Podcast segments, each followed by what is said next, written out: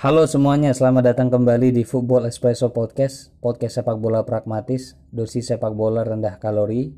Selamat datang 2021 dan jangan pernah kembali lagi 2020. Semoga musibah-musibah yang terjadi di tahun kemarin tidak terulang kembali tahun ini. Ini podcast pertama di tahun baru, masih momen-momen liburan. Jadi di antara kalian mungkin ada yang sempat berlibur keluar kota, atau lebih memilih menghabiskan waktu ke tempat-tempat wisata lokal. Meskipun kita tahu protokol kesehatan dari pemerintah mulai kemarin dari akhir Desember sampai awal-awal Januari ini juga makin gencar karena ada beberapa titik zona merah yang masih perlu diwaspadai. Ada juga yang stay at home dan spending quality time bareng keluarga atau teman-teman terdekat di sekitar rumah Pesan gue jangan lupa untuk selalu jaga kesehatan dan jangan lupa untuk selalu memakai masker ketika keluar rumah karena kita tahu COVID-19 belum sepenuhnya reda. Kabar baiknya memang ada vaksin dan semoga vaksin tersebut bisa jadi solusi untuk wabah ini. Gua doain juga untuk kalian yang sedang berlibur atau sedang di jalan, stay at home, atau mungkin ada beberapa yang masih harus tetap bekerja karena mengejar deadline dan beberapa pekerjaan yang belum tuntas. Di tahun baru ini semoga kalian semua selalu diberikan kesehatan dan dilancarkan rezekinya. Akhir Desember kemarin sebenarnya gue punya rencana untuk buat beberapa segmen podcast. Tapi karena momennya mendekati liburan akhir tahun dan ada sekian tugas yang harus gue selesaikan akhirnya mager. Di bulan Desember kemarin juga kita tahu jadwal Liga Inggris padat banget sehingga gue yang biasanya buat podcast malam-malam harus menunda dulu karena lebih ngabisin waktu buat nonton Liga Inggris. Jadi memang banyak sekali momen yang belum sempat gue jadiin podcast. Oke langsung saja. Ini episode pertama di tahun baru sesuai dengan judul. Gak usah sok banter, lo cuman glory hunter. Ini judulnya sok keras banget sih gue. Kayak nyindir orang. Tapi sebenarnya enggak sih, lebih tentang ke diri gue sendiri dulu ketika masih kecil. Jadi ceritanya gue mulai kenal dengan dunia persepak bolaan sebagai seorang fans biasa. Itu udah mulai sejak kelas 1 SD. Waktu itu era 2003-2004 kita tahu dulu pertandingan-pertandingan Liga itu masih sering disiarkan secara langsung di TV nasional. Dan jam yang paling bersahabat buat bocil SD kayak gue ini kebanyakan Liga Inggris. Liga Champions, Serie A atau La Liga, seingat gue dulu jamnya memang kurang bersahabat untuk para bocil. Dan memang banyak sekali faktor yang membuat bocil SD kayak gue ini lebih dominan ke sepak bola. Karena ya memang gue sendiri cowok bukan untuk menunjukkan sisi maskulinitas ya tetapi di antara circle gue saudara-saudara gue yang cowok atau teman-teman gue pasti obrolan hangat kala itu ya tentang sepak bola.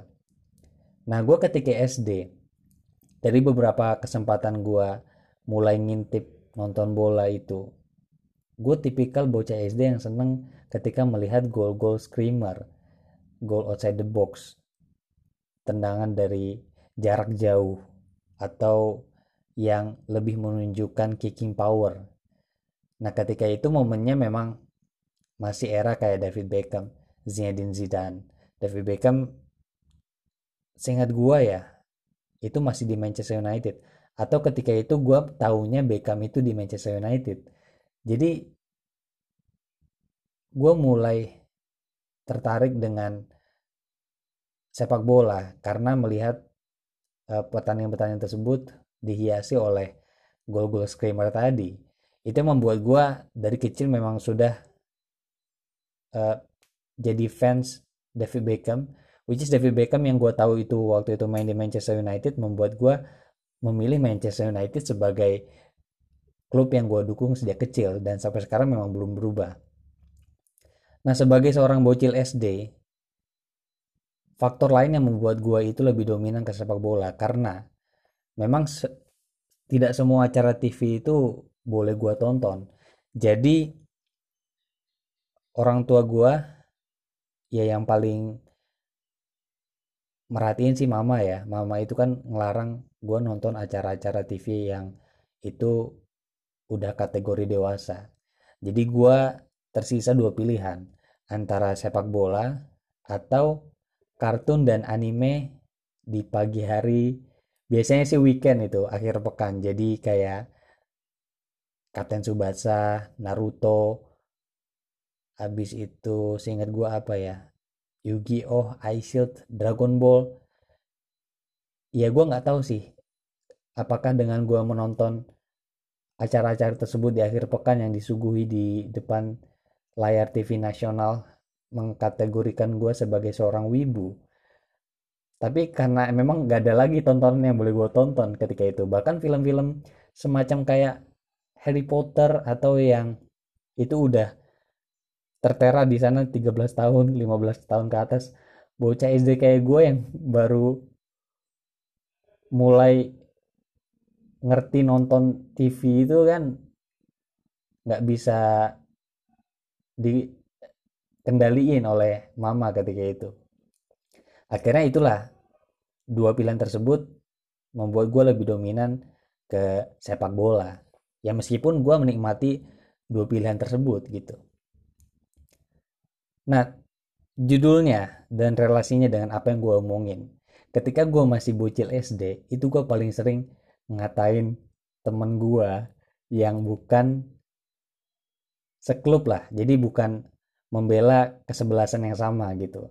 Sebagai fans Manchester United, ketika tim-tim lain kayak Chelsea, Liverpool, Arsenal itu kalah misalnya, itu gue paling seneng banget kalau ngebanter.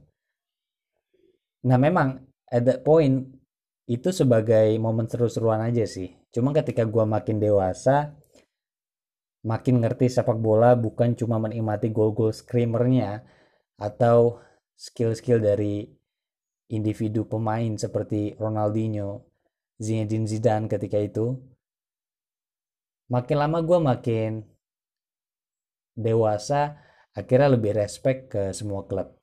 Artinya memang gue udah lama pensiun jadi banter jujur gue belum pernah sama sekali tuh ketika ada video di YouTube atau postingan-postingan di Instagram bikin komentar-komentar bahkan komen aja gue jarang gitu bisa hitung jari lah nggak pernah sama sekali kecuali buat seru-seruan doang. Nah ketika gue pensiun jadi banter akhirnya gue lebih milih untuk respect the beautiful game menghormati sepak bola karena ada momen di mana gue nyadar kalau apa pun klubnya bahkan kalau itu klub divisi 2 Liga Inggris atau Segunda misalnya di La Liga mereka itu at least udah sampai ke titik tersebut dan udah berjuang lah istilahnya. Jadi makin lama gue makin melihat sepak bola itu sebagai permainan atau the beautiful game yang jangan sampai dikotorin sama perilaku kita yang nggak respect gitu. Cuman yang memang banter sih nggak bisa dilepasin dari realitas gitu. Itu kembali ke orangnya masing-masing. Gue sendiri sih bukan berarti gue nggak nerima orang banter tidak. Tetapi karena menurut gue untuk gue pribadi gue melihat negara kita aja ini ya yang sepak bolanya kita tahu lah lo you know lah apa yang terjadi di dunia persepak bolaan Indonesia. Itu yang membuat gue seakan ya orang yang dia itu pelatih atau pemain di klub papan bawah di liga mana pun itu menurut gue udah prestasi yang sangat luar, luar biasa gitu. Jadi ketika gue mau ngebanter ada perasaan gak enak aja gitu. Mungkin ketika gue sebagai fans Manchester United ya yang udah lama gitu dari kecil nggak pernah ganti-ganti nggak pernah karbi jujur aja. Karena ya memang at the point at, the, at that moment mungkin gue ketika suka Manchester United itu ketika itu momennya masa kejayaan Sir Alex Ferguson. Akhirnya sampai sekarang kan ke bawah gitu.